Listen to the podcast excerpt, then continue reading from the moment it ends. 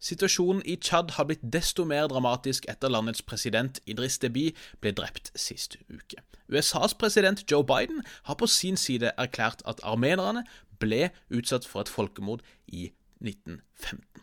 Vi skal dessuten høre om en dyp politisk krise i Somalia, om håp knytta til testing av en ny malariavaksine og mye mer. Dette er Hva skjer med verden?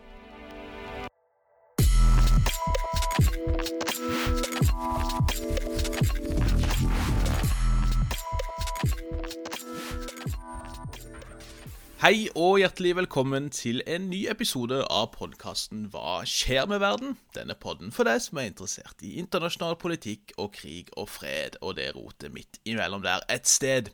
Mitt navn det er Bjørnar Østby, og med meg har jeg som vanlig min gode kompanjong og makker Nick Brandal.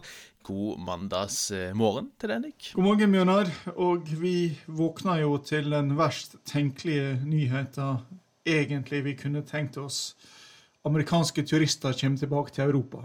Ja, det er jo en av en del dårlige nyheter vi skal innom, får vi si.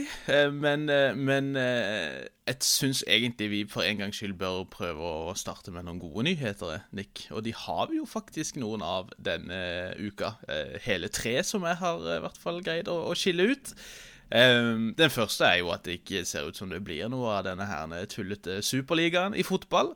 Det er jo hyggelig. Den andre er at uh, disse russiske styrkene, som har uh, talt vel så mange som 150 000 rundt grensene til Ukraina, har blitt kalt tilbake til sine respektive leirer. Og det er, får vi jo si er hyggelig, gitt at det enn så lenge i hvert fall gjør at den situasjonen virker å være mindre anspent.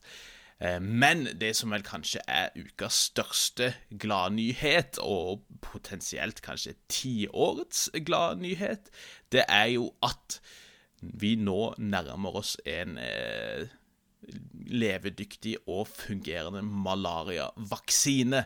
Eh, for forskere fra universitetet i Oxford har nå de samme folka, så vidt jeg vet, som står bak AstraZeneca-vaksina, har nå i en periode testa en ny malariavaksine på barn i Burkina Faso.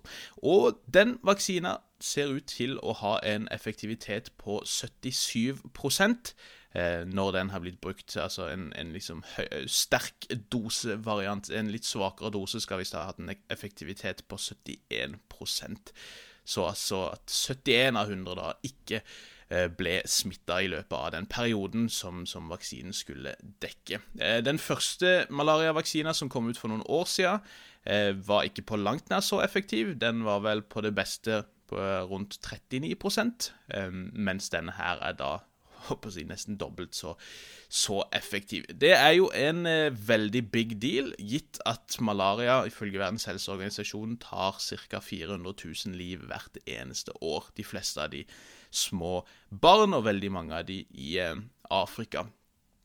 Malaria har jo generelt vært en enorm byrde, eh, spesielt i en afrikansk kontekst, gitt at så mange har mista livet til det, og gitt at det også har har gjort det vanskelig rett og slett å drive med, med både jordbruk og andre former for arbeid i en del områder som er spesielt eh, tynga av, av, malaria. Så hvis dette her eh, viser seg å fungere godt Nå, nå, skal de teste det på en, en ganske mye større gruppe. Um, hvis det kan vise seg å fungere ca. like godt, så er jo det fantastiske nyheter. De, de skal visst til å teste nå litt bredere i Sahel, tror jeg, i første omgang, så vidt jeg har forstått. Og, og, og, se da om effektiviteten er like høy. Det er vel snakk om at det vil måtte bli noe sånt som fire til fem doser eh, som må administreres per barn dersom dette skal fungere optimalt. Så det, det betyr jo at en del av infrastrukturen rundt dette her vil være ganske omfattende og krevende, men de bekymringene tar vi en annen gang. Vi får enn så lenge feire et, et foreløpig i hvert fall veldig stort fremskritt på den fronten. Nick. Jeg vet ikke om det er en gladnyhet, eh, den neste saka heller, men også, men uh, MI5, den uh, britiske etterretningstjenesten, eller det som tilsvarer PST i Norge, har nå fått seg Instagram-konto. Akk og ve. Og, og, her må jeg innrømme, jeg har ikke Instagram-konto sjøl, så det å ligge etter MI5 i uh, den teknologiske utviklinga her, tja, Det er graverende, rett og slett, Nick. Så spørsmålet er jo nå om vi kan vente oss eh, selfies fra agenter fra ferien, delikat anretta etterretningsmåltid og stiliserte vodka martini-drinker. eller, eller hva er det de skal bruke dette her til? Eh, det første bildet de la ut, var en sånn merkelig bilde av en eller annen sånn pod-ting som er i, i inngangen til, til eh, MI5, og, og med en sånn kryptisk melding om hva er det vi ser her, hemmelighetene som skjuler seg bak offisielle formål med dette er å, å, tiltrekke seg nye og mer utradisjonelle søkere på, på jobbutlysninger. Og, eh, og, her følger de jo etter andre etterretningstjenester som har gjort det samme.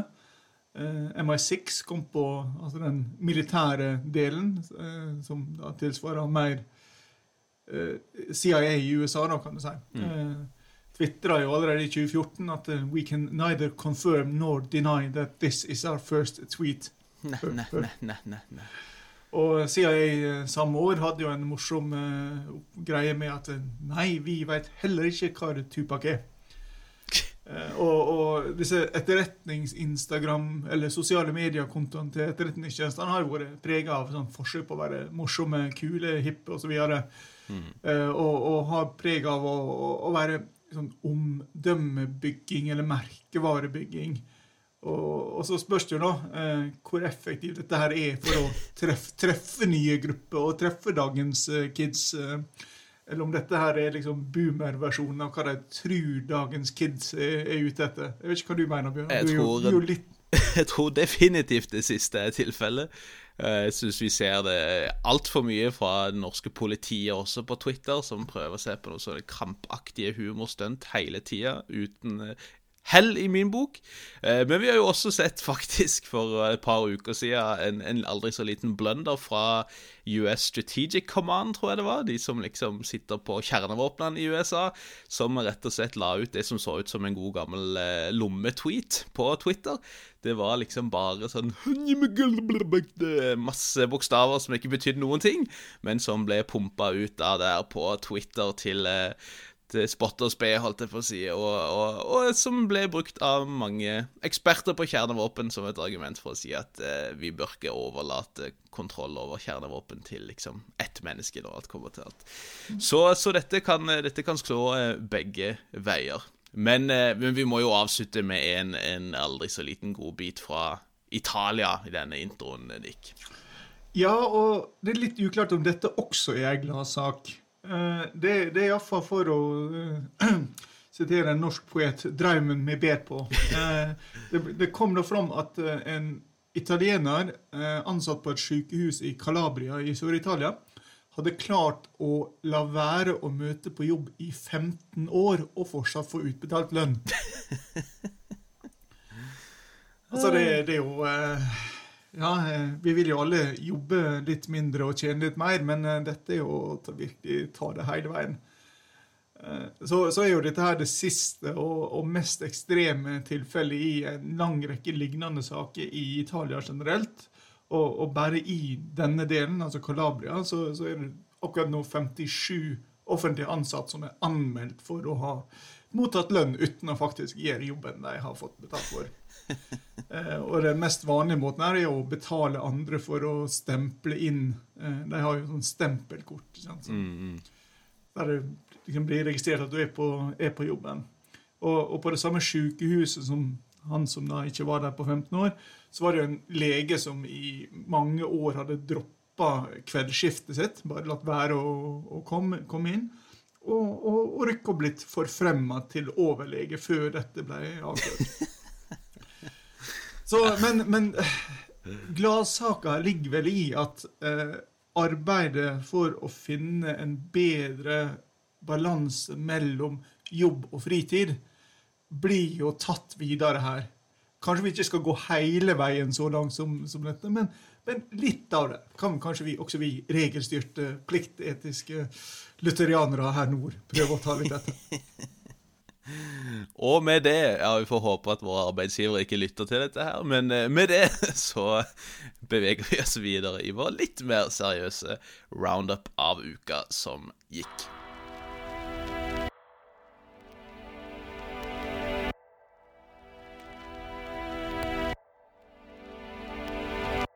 Da må vi jo først følge opp eh, det vi snakket om i forrige uke, for da bomma vi jo fullstendig på de sakene vi trodde kom til å bli alvorlige, og de vi trodde kom til å gå fort over.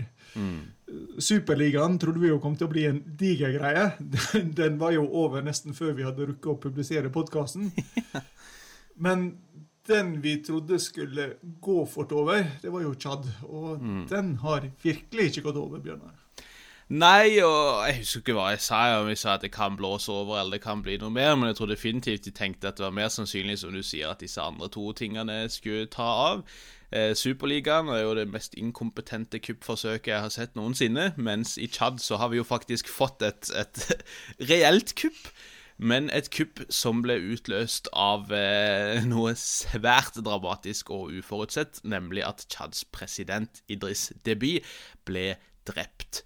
Eh, samme dag som vi la ut forrige ukes episode, på mandag, så ble han erklært som vinner av valget.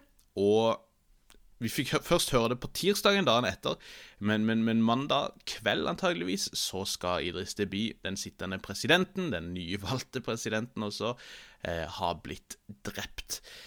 Den offisielle storyen som kom ut på tirsdag, var at Deby skal ha dratt til eh, fronten for å besøke troppene sine som da kjempa mot disse opprørerne i gruppa FACT. Vi kaller det bare for FECT, men denne fronten for samarbeid og konkord, samstemthet kanskje, på norsk, som, eh, som invaderte eh, Tsjad fra Libya 11. april. Jeg har sett litt forskjellige takes på, på liksom, og, og, og rapporter om hva som konkret skjedde. Ehm, det ble jo meldt eh, i offisielle kanaler at Deby dro til fronten. Det har han gjort mange ganger før. Eh, noe av det er nok litt bare sånn typiske PR-stunt. Det har vi sett når han har besøkt Tsjads styrker eh, ved Tsjadsjøen, og de har gått på offensiven mot Boko Harams to fraksjoner, altså Boko Haram og IS i Vest-Afrika. Eh, men her, ifølge den offisielle linja i hvert fall, så har han rett og slett blitt mer involvert og, og og dratt dit for å kommandere håper jeg, sine styrker. Så er det noen som Én eh, story har gått på at de visstnok skal ha samarbeida Eller uh, unnskyld, forhandla med en delegasjon fra opprørerne, og at det skal ha blitt um, uro og, og regelrette kamper de imellom i den forbindelse, og at han skal ha blitt skadd og siden dødd av disse skadene. Andre sier at han visstnok har prøvd å mane eh, soldatene sine til kamp etter at de gjentatte ganger hadde dratt på retretten eh, der de ble utsatt for artilleribombardement, og at han skal ha blitt skada i den forbindelse. Andre igjen sier at bilen hans kjørte seg fast, og at konvoien ble angrepet. Det, det, er umulig å vite, egentlig. Jeg tror neppe vi kommer til å få vite akkurat hva som har skjedd. Men uansett så, så skal han ha dødd av skader som han fikk da han besøkte troppene sine på fronten. Og det tok jo ikke lang tid før et militært råd eh, erklærte at nå er forsamlinga oppløst, nasjonalforsamlinga oppløst, regjeringa er oppløst, og nå innsetter vi Idris Deby sin sønn og firestjerners general Mohammed Deby som eh, president og leder av landet i en 18 måneders interimperiode.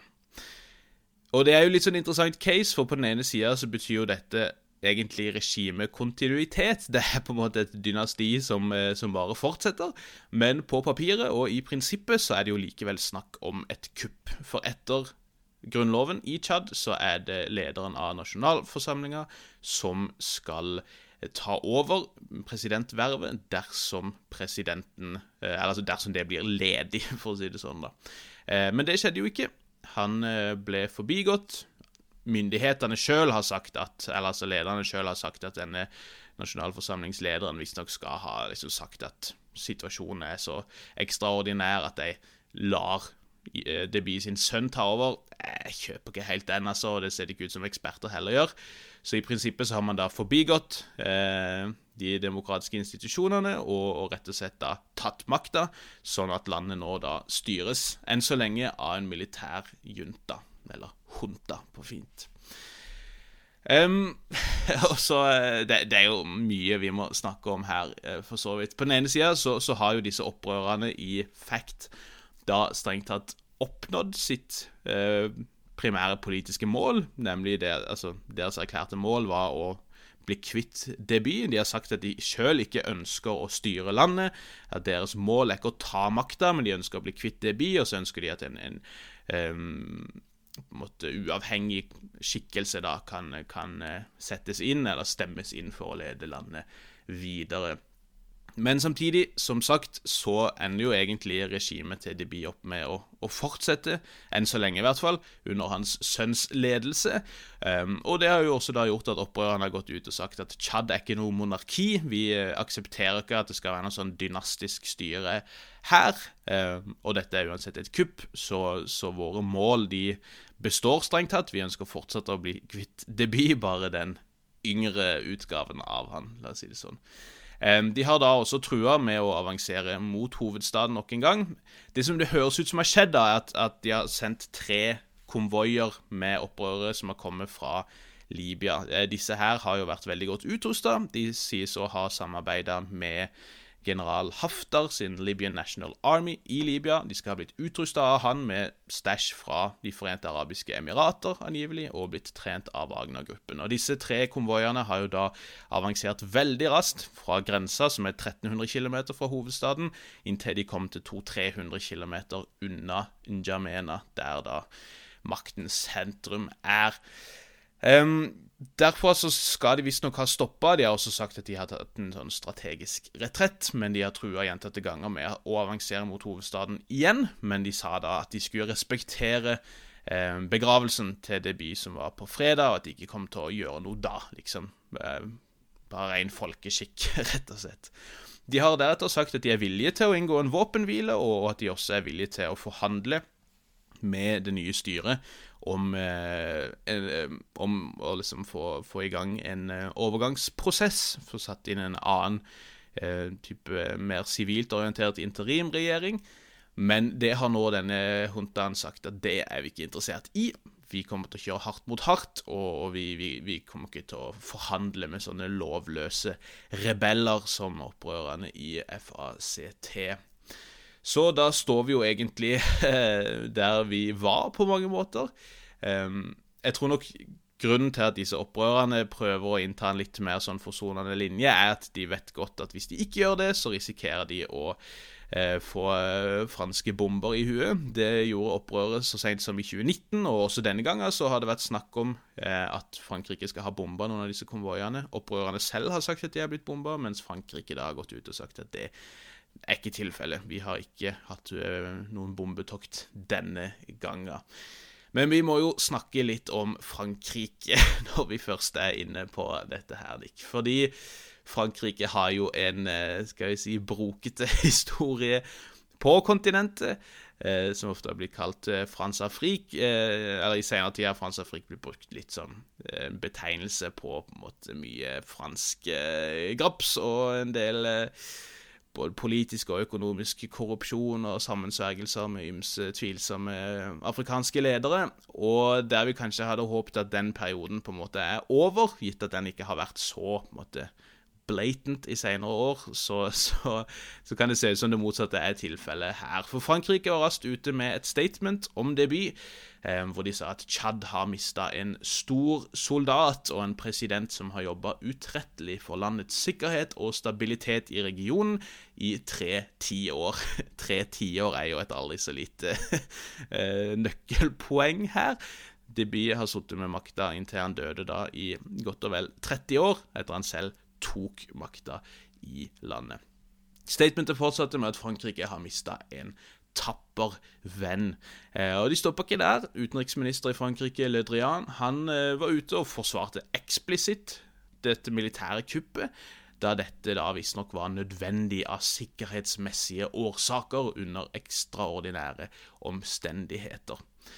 Og, og Derfor så understrekte eh, han videre viktigheten av en fredelig omgang, med, eh, overgang unnskyld, en fredelig overgang eh, til sivilt styre. Men i den forbindelse så nevner man verken Grunnloven man nevner eller demokrati.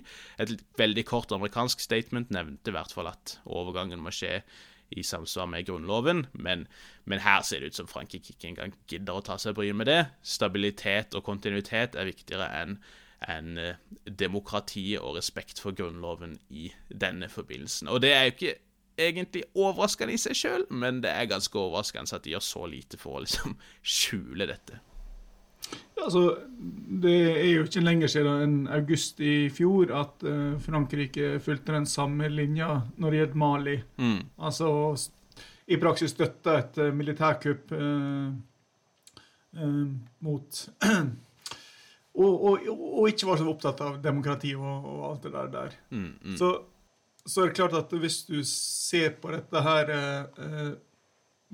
militært liksom, så står Frankrike nå med over 5000 soldater i Sahel-området. Altså, dette er den største utplasseringa av franske tropper utenfor Frankrike siden Algerie-krigen. Mm.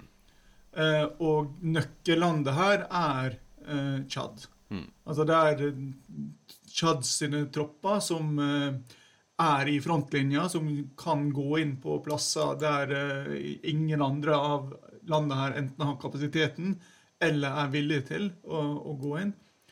Og eh, det løft, løftet har jo Macron fått fra det blir allerede at de skal ikke trekke seg ut av denne G5 Sahel-reaksjonsstyrka, eller hva det nå ja. ja. Nei, og, og, og, det ble jo uh, tydelig i uh, under denne begravelsen da, nettopp hvor, hvor, viktig Frankrikes forhold til Tsjad er, og, og vice versa. For Macron sjøl besøkte jo begravelsen til debut og satt side om side med kupplederen, da, eh, Mahamad Deby, sønnen.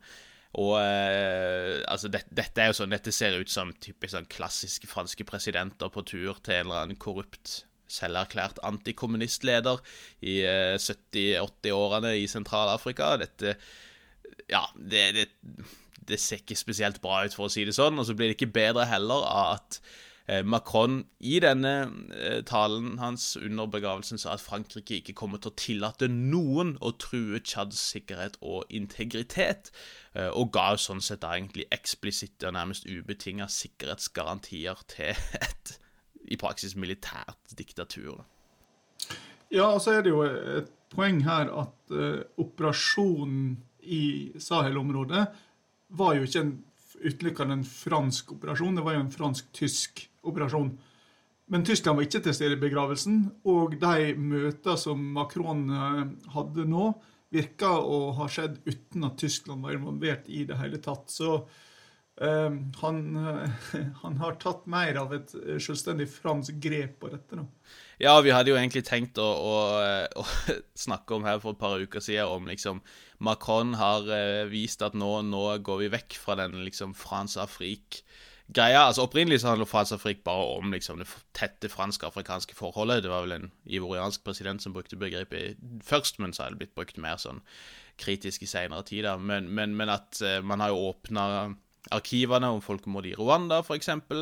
Det ser ut som man har greid å skvise ut noen av disse sterkeste lobbyene som, som har pressa for forskjellige former for uh, ganske umusikalsk politikk i Afrika. Men så får man da plutselig uh, dette her, da, som kanskje vitner om at uh, ikke nødvendigvis har blitt så dype endringer som vi kanskje så for oss.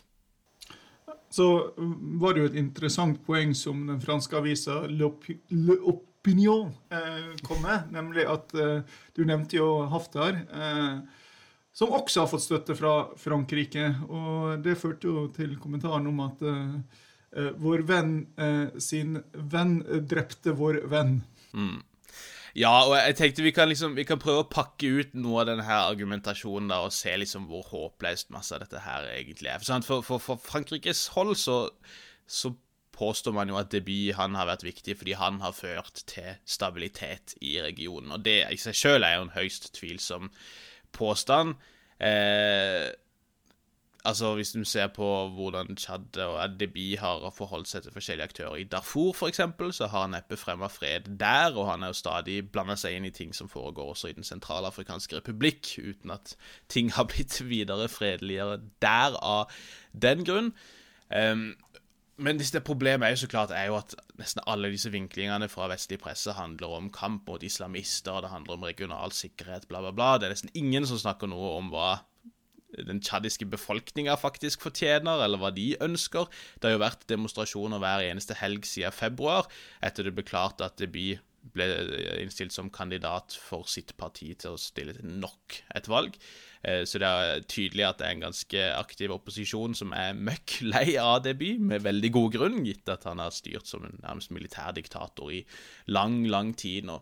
Um, men hvis vi tar disse argumentene om regional stabilitet, og hvis vi skal velge å tenke at det er en god og viktig vinkling, så, så er det sant at, at, som du nevnte, Tsjads styrker, eh, Tsjads militære, er både et av de mest velutrusta og veltrente militærene i regionen, og har jo da blitt sendt inn liksom på fronten i kampen mot forskjellige jihadister i Sahel. Sant? Så nå er jo både Boko Haram og denne splintergruppa IS' Vest-Afrika-provins veldig aktive i området rundt Tsjadsjøen. Der har Tsjads egne styrker stått i spissen for, for flere offensiver, men også i denne her eh, forente G5-styrken i Sahel, som består av militærstyrker fra forskjellige eh, stater i området, så har Tsjads styrker vært noen av de viktigste, og har vært aktive da i eh, Spesielt også da i dette eh, triangelet mellom Mali, Niger og Burkina Faso. Eh, de høres ut som kanskje er på vei hjem til Tsjad nå for å beskytte hovedstaden. Det er i hvert fall rapporter om det. Um, så det kan jo bli uh, utfordrende da for, for, resten av styrkene som står igjen i uh, forskjellige deler av Sahel og skal prøve å bekjempe jihadisttrusselen der. Uh, samtidig så meldes det for så vidt også om at det allerede er splittelser internt i militæret, etter hvert også langs mer type etniske linjer, som, som kan gjøre det vanskelig for det Deby den yngre å beholde den kontrollen som hans far hadde.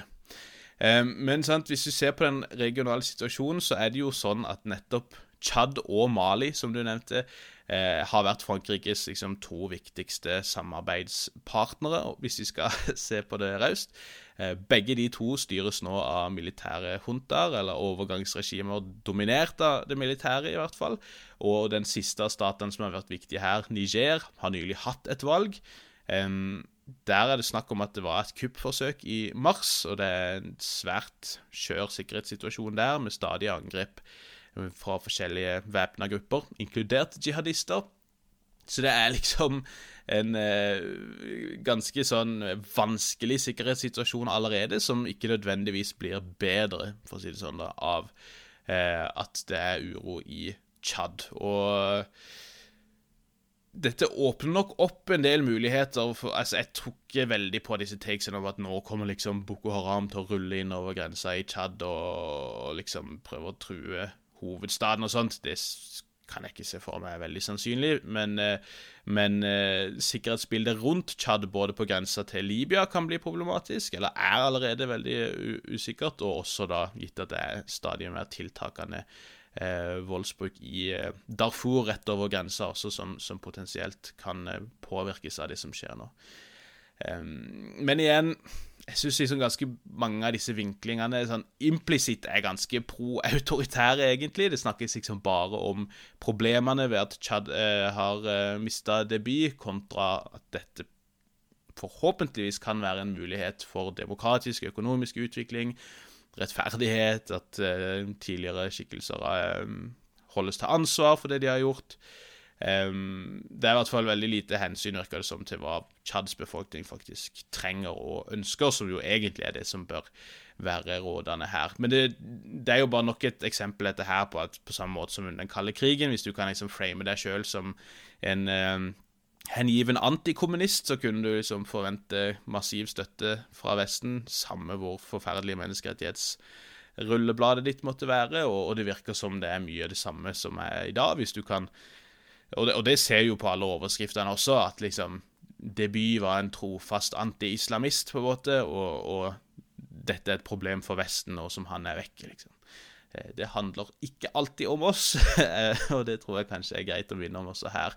Men, men avslutningsvis kan jo nevne nettopp dette du sier med Altså, dette er jo delvis et rot som Frankrike har stelt i stand sjøl, hvis vi spoler en del år tilbake. Vi kan jo gå tilbake til intervensjonen i Libya i 2011, hvor Frankrike var en av de viktigste pådriverne for at det ble en intervensjon i første omgang. Og mye av det som har skjedd i Mali og etter hvert også i Tsjad, kan jo spores tilbake til kollapsen av den libyske staten. Eh, Haftar, som da en general som er dels amerikansk statsborger. og eh, Han ble jo først egentlig viktig etter Gaddafi-regimet falt og seilte opp som en mektig aktør i Øst-Libya. Eh, og eh, gikk etter hvert nærmest til opprør mot det FN anerkjente den FN-anerkjente regjeringa i Vest-Libya og dro på offensiven da i 2019, var det vel det starta. Han kom hele veien til Tripoli, men ble til slutt slått tilbake, mye takket være at Tyrkia greip inn på eh, Tripoli-regjeringa si side. Men i denne kampen med Tripoli-regjeringa så mottok eh, Haftar støtte fra land som Egypt og Emiratene. Russland sendte inn Wagner-gruppen. Men en annen støttespiller her, som jobba litt mer i det skjulte, det var jo Frankrike. Og disse opprørerne, som nå tilsynelatende har drept Deby, skal ha operert sammen med, blitt eh, utrusta av, eh, Haftar og hans Libyan National Army, og de skal ha blitt trent av den russiske Wagner-gruppen.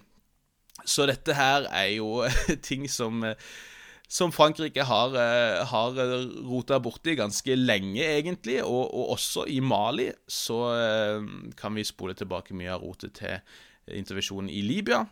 En del tuareger der og andre i Nord-Mali hadde kjempa som leiesoldater, basically, i Libya, og fått både trening og og våpen som de tok tilbake med seg inn i Nord-Mali, og tok kontroll over store deler av landet i løpet av 2012, inntil Frankrike da måtte intervenere og, og å si, rydde opp i sitt eget rot også der. Så eh, Gitt at Frankrike driver og støtter ymse krigsherrer, militære diktaturer, og også nå eksplisitt stiller seg bak et liksom blatant militærkupp, så bør kanskje eh, franske regjeringa etter hvert se seg sjøl i speilet og spørre om det ikke kanskje er de som, som er en vel så stor kilde til mye av ustabiliteten som har prega både Sahel og Sentral-Afrika, når alt kommer til alt. Dette ble fryktelig langt om Tsjad, men, men, det er en ganske big deal, så det er verdt å, å snakke om. Men, men, vi lovte jo sist uke at vi kunne si bitte litt om, eh, om Myanmar og, og, Etiopia. Nikke, kan ikke du si bitte litt bare om, om uh, det siste fra Myanmar og et møte med ASEAN som har skjedd nå nylig? Ja, eh, lederen for eh, militære kuppregjeringa, eh, Min Ang Lang, eh, har vært på sitt første utenlandsbesøk etter kuppet. Han reiste til Jakarta, der eh, sekretariatet for denne eh, Foreninga for sørasiatiske stater, ASEAN, eh, har sekretariatet sitt. Og eh, det var jo ikke akkurat sånn veldig store forventninger til hva som skulle skje på dette møtet, og de ble oppfylt. Um, det, det, er jo ikke en forening av liberale demokrati vi snakker om her, eh, med Indonesia, der sekretariatet ligger eh, fremst framme i akkurat den, eh, den, lista der. Eh, de fleste av disse statene blir jo styrt av folk som kom til makta gjennom militærkupp eller lignende. og det å få organisasjonen til å ha en felles mening om Myanmar har også vært nokså ja, umulig, for å si det mildt. Så prøvde jo opposisjonen i uh, Myanmar å, å, få Interpol til å arrestere generalen. Uh, det burde jo være mer en grunn til det, men uh, det skjedde jo heller ikke, som man mm. kanskje skulle, skulle, kunne forvente. så ja Han fikk seg en tur utenlands. det forandra ingenting, verken i Myanmar eller i internasjonal politikk. Nei, Nei. Eh, når det gjelder eh, Etiopia, så eh, fortsetter jo krigen der eh, med høy intensitet, kan det virke som. Det, det, er liksom ikke så mange konkrete oppdateringer som kommer ut sånn fortløpende nå, litt fordi at ja, internasjonal presse har ikke et veldig langt sånn konsentrasjonsspenn, og, og ender ofte opp med å vie oppmerksomhet til andre ting så fort liksom, ting begynner å bli mer vedvarende og, og mindre liksom eh, ja, hva skal vi si spektakulært på kort sikt, da. Men, men krigføringa fortsetter i høyt tempo, kan det virke som. Og det er jo ikke veldig lenge til regntida eh, starter nå i Etiopia, så det er vel grunn til å tro at det, det vil at partene vil prøve å ta til seg så mye som mulig eh, inntil det da blir veldig vanskelig å kjempe, og at man forhåpentligvis kan få noen forhandlinger da. Eritrea har jo sagt, Både Etiopia og Eritrea har vel sagt at eritreiske styrker skal trekkes ut. Ingenting tyder på at de faktisk har gjort det. USA har vært ute og sagt at det, etter det de vet, så, så har ikke eritreiske styrker trukket seg ut. Og det eneste på en måte kanskje litt større nyheten er at vi nå nylig har fått en uttalelse fra et eh, for en gangs skyld på en måte samstemt eh, sikkerhetsråd i FN, der de da har eh, endelig kommet med riktignok en ganske sånn typisk sikkerhetsrådsuttalelse, men, men like fullt en uttalelse om situasjonen. Der eh, sier Sikkerhetsrådet at de er bekymra over den humanitære situasjonen i Tigray. De eh, sier at de anerkjenner eh, det myndighetene i Etiopia har gjort når det gjelder å prøve å Eh, bidra med humanitær eh, nødhjelp osv. Og, så og prøve å øke tilgangen for eh, humanitære aktører. Men samtidig så sier de at humanitære utfordringer fortsatt er til stede, og at myndighetene må gjøre mer på den fronten der. I tillegg så er det bl.a. snakk om bekymring for veldig mange rapporter om utbredt seksuell vold de har det blitt litt overskrifter av, holdt på å si heldigvis, og det er fryktelig lesting som, som så vidt jeg kan si, tyder på at dette brukes nokså systematisk.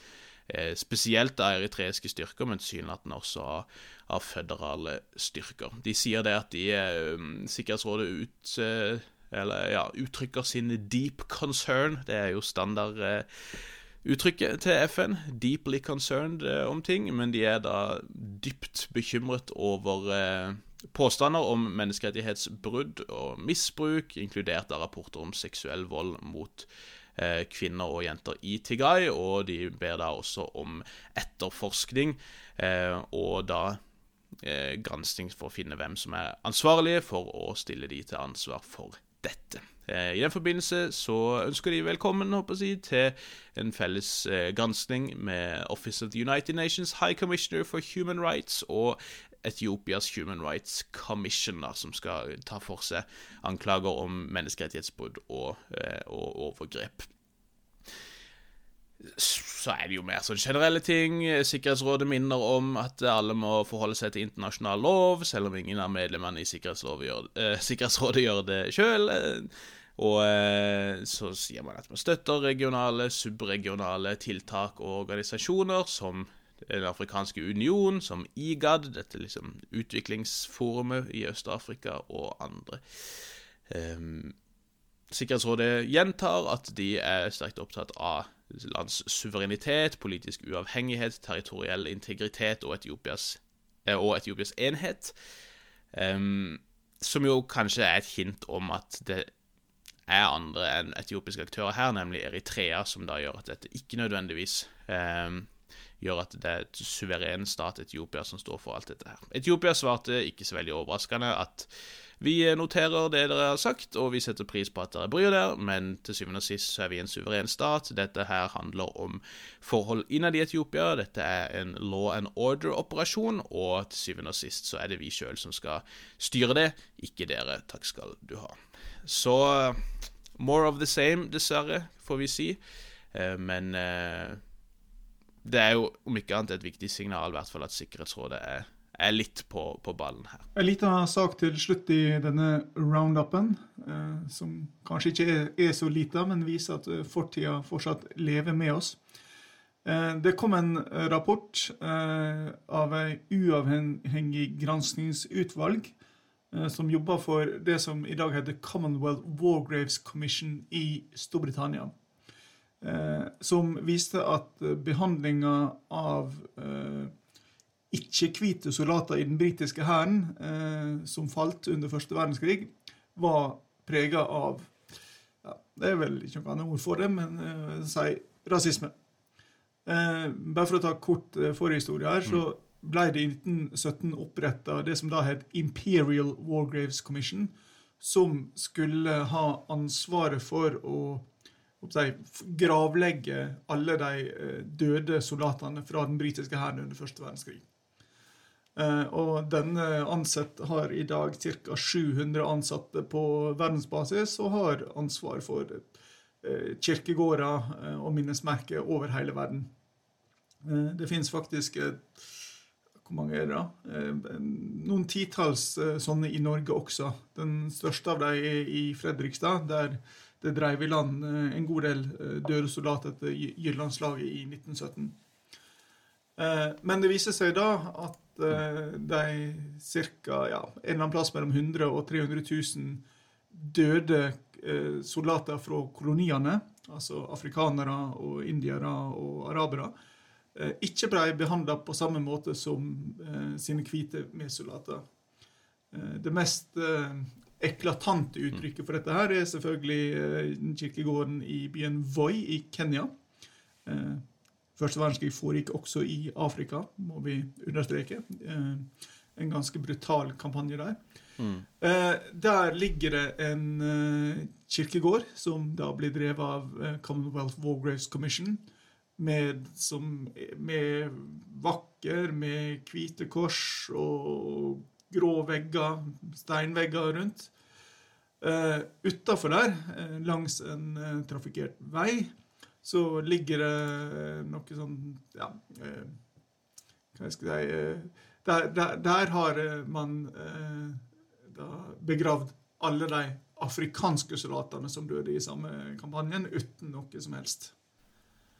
Eh, så er det jo en liten forhistorie også til denne rapporten, og det er at det er over ti år siden dette ble kjent.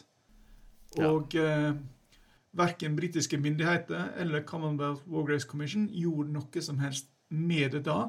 Det var ikke før eh, Channel 4 eh, publiserte en dokumentar om dette i 2019, at denne granskinga ble satt ned. Og nå har den altså kommet fram, og eh, britiske myndigheter har sagt at dette er forferdelig, og Commonwealth War Grace Commission har sagt at dette er forferdelig, så får vi jo se hva de ender opp med å gjøre med dette her, eh, da godt over 100 år etterpå. Ja, det er jo 100 år for seint, men, men uh, bedre seint enn aldri, i hvert fall, får vi si. Og helt avslutningsvis i, i denne eh, roundupen, som har vart veldig lenge allerede, så vil jeg bare nevne kort at eh, situasjonen i Somalia er veldig bekymringsverdig akkurat nå. Um, vi har ikke egentlig snakka så mye om det, mye fordi at jeg rett og slett kan altfor lite om somalisk politikk, som er innfløkt nok i utgangspunktet. Men det har vært en politisk krise i landet i uh, en god stund nå, etter at et valg som skulle vært avholdt i februar, har blitt utsatt. Og president i landet, Mohammed Abdullahi Mohammed, som ofte bare kjennes som Farmajo, han sitter jo da egentlig på overtid. Hans periode gikk formelt sett ut i eh, februar, men sitter med makta fortsatt. Og for å forsikre seg om at han kunne fortsette med det, så fikk han signert en ny lov i midten av april, som gjør at han på papiret da skal kunne sitte med makta i to år til. Men denne her ble visst bare tatt i eh, etterkammeren i parlamentet og gikk egentlig ikke gjennom Senatet, så opposisjonen mener jo at denne den eh, nye loven ikke egentlig strengt tatt er gyldig. Eh, men den behandles likevel som det av regjeringssjefen sjøl, som da fortsetter med makta på overtid. Dette har jo utløst en eh, stadig dypere politisk krise. En av de mektigste klanene i landet har nylig gått ut eh, og erklært at de ikke lenger har tillit til Formaggio, og at de er i opposisjon mot han. Og nå har det de siste dagene også kommet ut stadig flere meldinger om at det begynner å oppstå store rifter innad i innad i Somalias militære. Senest i går, søndag, så ble det meldt om ganske harde kamper mellom forskjellige deler av militæret i hovedstaden Mogadishu. Primært da mellom eh, en del som støtter Famajo, og andre opposisjonelle avhoppere, både fra militæret og tilsynelatende også fra litt forskjellige militser, eh, som bl.a. da skal støtte den tidligere presidenten Hassan Sheikh Mohammed, eh, som var ute på Twitter faktisk i går og sa at eh, det er uheldig og beklagelig å måtte melde at eh, min residens nå er under angrep fra føderale styrker. Men eh, når, når, deler av militæret havner i konflikt med hverandre i hovedstaden, så, så sier det et og annet om ei veldig dyp politisk krise.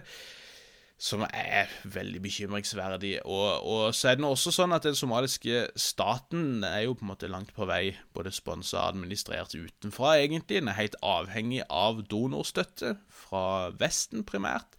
Eh, men nå er jo da president Farmajo egentlig på kollisjonskurs da med sine vestlige donorer, som jo ikke gjør situasjonen lettere. Igjen så blir det jo mange sånne takes om at å, dette er problematisk fordi at var med Al Shabaab, og det er jo sant nok, det, men, men liksom, igjen så skal absolutt alt eh, handle om eh, jihadister, føles det litt som.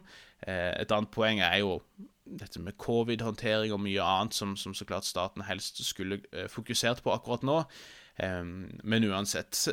Eh, det vanlige er jo tilfellet også her. EU har gått ut og sagt at de er highly concerned. Eh, Sikkerhetsrådet har uttrykka ja, du har helt rett, så klart. Deep concern over Somalias politiske krise. Eh, de har i hvert fall øyne på situasjonen, og det, det er jo noe. Det trenger ikke nødvendigvis å gjøre det bedre, sånn som vi har sett i Tsjad med Frankrike, men men jeg eh, vil bare nevne det til slutt. At det ikke er usannsynlig at vi, eh, vi hører flere skal vi si, urovekkende nyheter fra Somalia den, den, neste uka, og det er noe vi skal prøve å følge med på. Og med det så får vi runde av denne roundupen og gå inn i ukas tema.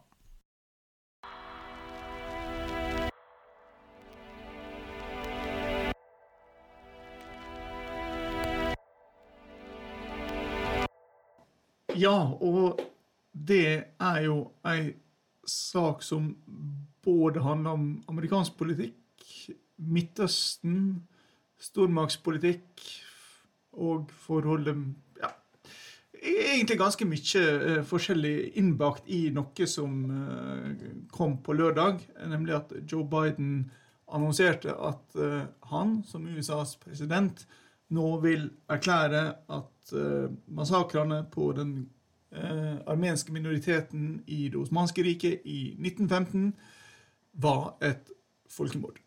Mm. Uh, det var jo ikke tilfeldig at dette skjedde på lørdag 24. april, fordi det ble innstifta av den amerikanske kongressen som den minnedagen for det armenske folkemordet. Uh, Og eh, presidenten holder alltid en tale på denne dagen, men hans eh, to forgjengere brukte da ikke ordet folkemord, de kalte det typisk massakre. Mm. Eh, så det har alltid vært anerkjent at mange folk døde, men den symbolske virkninga av å, kalle det folkemord har jo da vært viktig. Og USA følger jo her et eh, andre land som har gjort det samme for lengst. Canada, Frankrike, Argentina, Belgia, Hellas, Kypros, Østerrike, Italia, Nederland, Polen, Russland, for å nevne noen. Eh, og eh, det har som regel blitt møtt med ganske heftige tyrkiske reaksjoner. Ville protester. Eh, de har kalt tilbake ambassadører. Det kan det se ut som de kanskje gjør nå. eller De vil iallfall ha en samtale med ambassadøren. Eh, og økonomisk. De har kansellert eh, kontrakter for milliarder med tyske firma og franske firma tidligere. På 1980-tallet, mens USA holdt på å bygge Holocaust-museet i Washington, så ble det endatil antyda at dersom ordet folkemord ble brukt om det som skjedde med armenerne, så kunne ikke Tyrkia garantere for sikkerheten til den jødiske minoriteten i Sør-Tyrkia. Um, så har ikke den amerikanske presidenten vært alene om å ikke ville kalle det folkemord. Uh, Storbritannia, Israel, Ukraina, Georgia og Norge har vært på samme linje. Og i 2015 fikk jo Erna Solberg en del oppmerksomhet når hun sa nei til å delta på en minnemarkering i Jerevan i Armenia og begrunna dette med at uh, dette ikke oppfylte kriterier til å være et folkemord. Uh, noe som ble sterkt kritisert av en nokså uhellig tverrpolitisk allianse som strekte seg fra SV via Civita til avisa Dagen. Hvis alle de er på nakken din, da, da vet du at du har en dårlig sak, altså. Og eh, det var jo seks år siden. Norge har i mellomtida ikke tatt noen steg for å eh, anerkjenne dette som et folkemord. Men eh, vi kan vel regne med at det vil skje nå når USA har eh, endra sin offisielle linje. Hmm. Eh, Vi kan kanskje ta en liten sånn recap på, på hva det er vi snakker om her. Ja, la oss gjøre det. Eh, og det er jo at eh, under første verdenskrig så døde anslagsvis 1,5 millioner mennesker fra den armenske minoriteten i det som da het Det osmanske riket. Som altså var restene av det gamle kalifatet. Mm. Eh, som et resultat av systematiske utslettelser som involverte drap, tvangsarbeid, voldtekt, deportasjon og fordrivelse. Den offisielle tyrkiske linja Tyrkia var jo en stat som lå oppstå ut av kaoset under eh, første verdenskrig. Har vært at eh, ja, det døde nokså mange mennesker, og staten, den osmanske staten burde nok ha gjort mer for å beskytte armenerne. Men det var jo lokale bander, og det var krig, og det var kaos, og det var forvirring. Og, og, og det var dessuten nødvendig å deportere eh, armenerne i Øst-Anatolia fordi eh, de kunne finne på å gå i allianse med Russland, som da osmanerne var i strid med. Mm. Og, og begrepene som har blitt brukt i tyrkisk eh, versjon, er jo at det var evakuering, deportasjon eller omplassering. Eh, Og dette, denne holdninga har jo stort sett også funnet igjen hos tyrkiske forskere og intellektuelle. Altså et stort antall døde under det som ble kalt henholdsvis ulykka, tragedier eller lidelsen til den armenske minoriteten. Så, så har det vært noen unntak. Eh, den kanskje viktigste har vært historikeren Taner Akham, som har vært viktig i å drive forskninga framover gjennom å gjøre kildestudier i eh, tyrkiske arkiv. Og i 2018 så kom han med boka 'Killing Orders', som for første gang utvetydig etablerte en intensjon, altså et av disse viktige kravene for at noe skal være folkemord, Mm. om helt eller delvis utslettelse av det som da er ei beskytta gruppe. Ja. Så, så er det jo et spørsmål sant? Hvorfor har dette vært så vanskelig.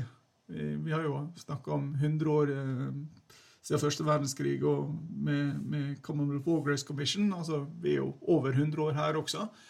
Altså, hvorf, og, og dette ble jo da begått av det osmanske riket, ikke av den tyrkiske staten.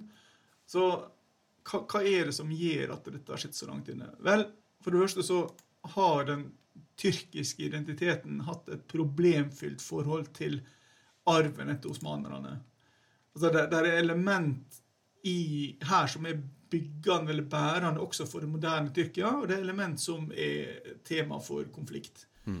Eh, der, der er, altså, dette liberale islamske demokratiet som Tyrkia har stått for, rett nok eh, med et militærregime under her, men eh, la nå det ligge, har vært legitimert i en, i en idé om en liberal osmansk tradisjon, der eh, flerkulturelle eh, altså minoriteter kunne leve sånn noenlunde i fred og fordragelighet innenfor dette her store imperiet, mens tilsvarende gruppe i resten av Europa ble forfulgt og drept og ja, Mm. nokså hardt behandla. Mm. Eh, og, så, og, og dette ble jo også brukt da for å legitimere Nato-medlemskapet til Tyrkia. Det var jo det eneste hva skal jeg si, Nei, det var ikke eneste, men eh, det var jo ikke et sånn liberalt demokrati strengt tatt, men, eh, men ja. Og under den kalde krigen så ble jo da tyrkisk identitet dermed også et stort politisk spørsmål. Altså, Det var nødvendig for å, å, å, kunne forklare at jo, Tyrkia hørte hjemme i, i Nato, i forsvarssamarbeidet. Eh, og det ble jo da vanskelig for andre Nato-land å kritisere Tyrkia, både fortidshåndteringa og minoritetspolitikken mer allment. Mm. Og eh, for Tyrkia så kunne jo da dette, at de hadde en viktig rolle i den kalde krigen, bli brukt til å legitimere undertrykkelse av minoriteter eh, internt i Tyrkia. Ja, spesielt kurder, da, type. Som jo er Ikke, en ja, ikke så veldig liten sak, for å si det sånn. nei. Eh, så når den kalde krigen så tok slutt, så, så oppstod det jo da en ny konflikt mellom en nasjonalistisk eh, høyreside eh, og de som ønska å nærme seg Vesten, og ikke minst særlig EU. Eh, og så har vi jo også snakka en god del i denne podkasten om forholdet mellom Tyrkia og Armenia, ikke minst eh, knytta opp mot den siste krigen mellom eh, Armenia og Aserbajdsjan. Eh, slik at det, dette spørsmålet til Tyrkia sitt ansvar for noe som skjedde for over 100 år siden, er, blir, har også blitt et spørsmål om geopolitikk i regionen. Mm. Eh, Så, så er det jo et spørsmål om hvorfor Biden endrer det offisielle amerikanske synspunktet nå.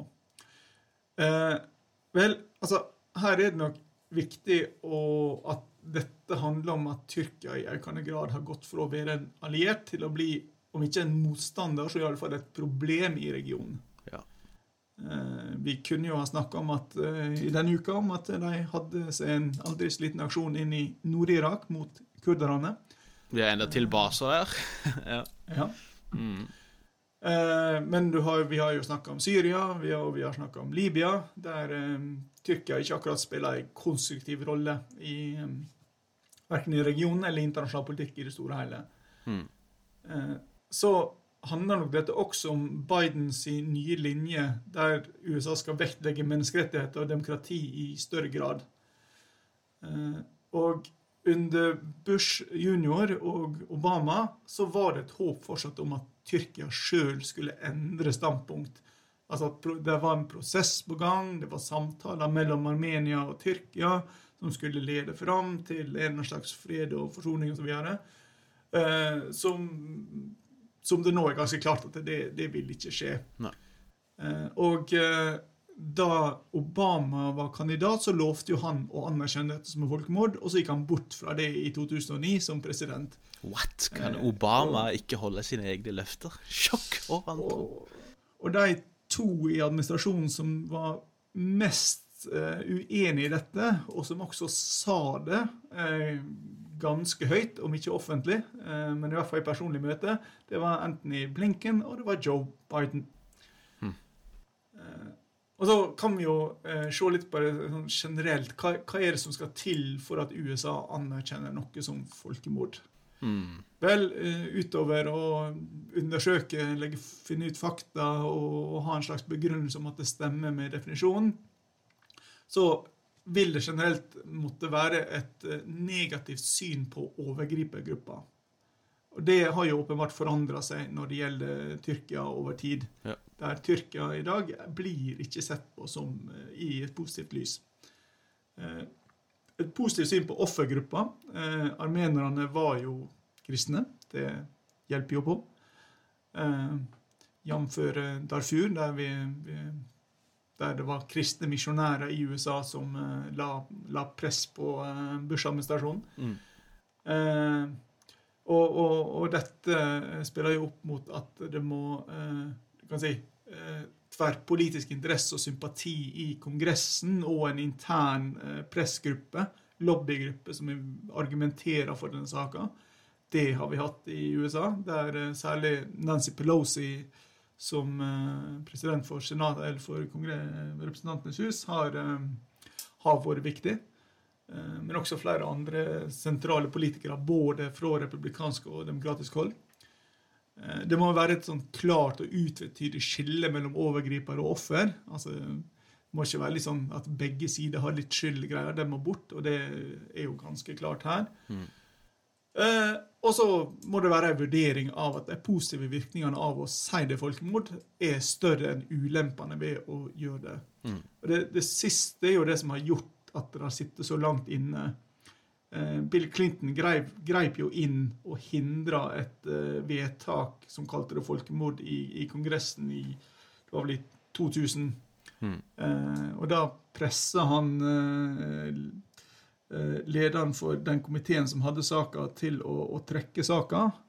Som førte til at han ikke ble gjenvalgt samme år, men tapte mot demokraten Adam Schiff i California. Eh, Akkurat Clint, altså- Clinton har jo ikke sånn veldig bra track record på folkemord eh, generelt, får vi si, gitt at han leder en administrasjon som gikk veldig langt for å ikke kalle folkemordet i Rwanda for et folkemord da det pågikk. Og eh, han kom vel heller ikke nødvendigvis veldig bra ut av eh, krigene på Balkan. Som de eh, sa i Afrika, ABC, anyone but Clinton. Ehm, nei, det blir jo veldig spennende å se hva, hva slags konsekvenser dette eventuelt får. Jeg har jo sett eksperter på liksom forholdet mellom Armenia og Aserbajdsjan Jeg er bekymra for uh, armenske krigsfanger i aserbajdsjanske hender, holdt på å si, uh, gitt at det vel er fortsatt et par, eh, par hundre der. Eh, vi har jo ikke nevnt det, men, men president eh, Aliyev i eh, Aserbajdsjan har jo nylig vært på besøk til en sånn hva skal vi kalle det, en litt sånn eh, fornøyelsespark basert på eh, armeneres død, nærmest. De har lagd en aldri så liten park med masse armenske hjelmer og stygge, mer eller mindre rasistiske karikaturer av armenere som enten blir drept eller holder på å bli drept, med voksdukker og sånt som er lagd til der. Befolkninga drar inn og kan sant, være bilder av ei lita jente som liksom tok kvelertak på en armensk soldat, og i det hele tatt Det er mye graps i det forholdet der, for å si det sånn, og, og jeg har jo sett, hvis vi skal gå ut fra eh, respons på Twitter, så er det mange fra Aserbajdsjan og Tyrkia som ikke er videre happy um, over dette. Også New York Times, uh, Istanbul-korrespondenten der, påstår jo at, at, det hadde vært en muted response av armenere, liksom, som hun også fikk veldig mye flakk for, gitt at det jo var store markeringer i gata rundt omkring. Nettopp fordi at dette faktisk betyr veldig mye, da, at man endelig får en slags offisiell anerkjennelse av hva som faktisk har skjedd her. Ja, og hvis vi zoomer litt ut her, så, så vil jo dette ikke akkurat bidra til å bringe Russland og Tyrkia nærmere hverandre. Mm. Uh, og uh, det var jo da, da, begynner jo Erdogan å, å slippe opp for uh, veldig mange mulige allierte, eller i hvert fall ikke-fiender, i, uh, i, området rundt seg.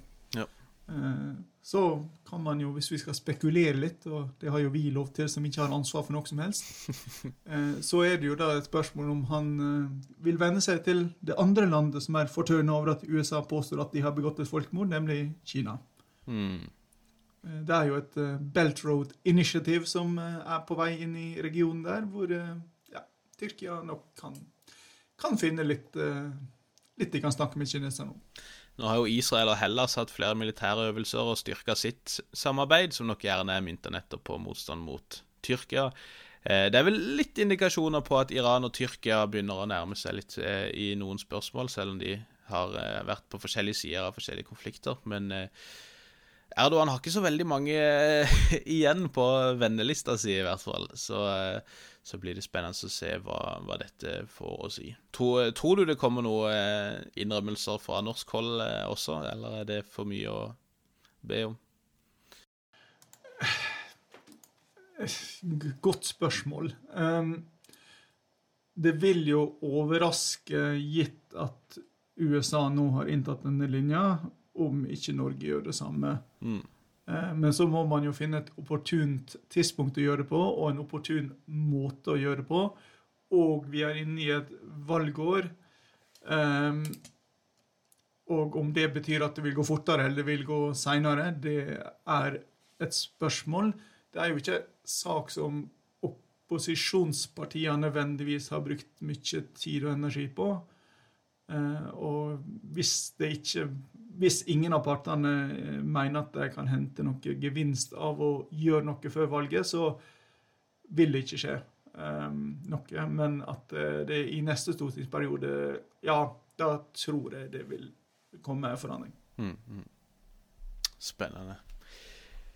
Vi eh, bør gå inn for landing, vi, tror jeg. Det har vært eh, mye, og det har vært mye lange bolker her, men, men, sånn er det nå en gang. Det er mye som skjer med verden, så, så da, da, eser det ut litt. Men vi takker som vanlig for eh, følget. Veldig hyggelig at dere hører på. Spre gjerne ordet eh, til andre, og eh, lik og følg og review og alt det der hvis dere har bry til det. Eh, vi sier takk for oss. Takk som vanlig, Nick. Sjøl takk, Bjørnar. Takk for meg. Vi høres igjen veldig snart.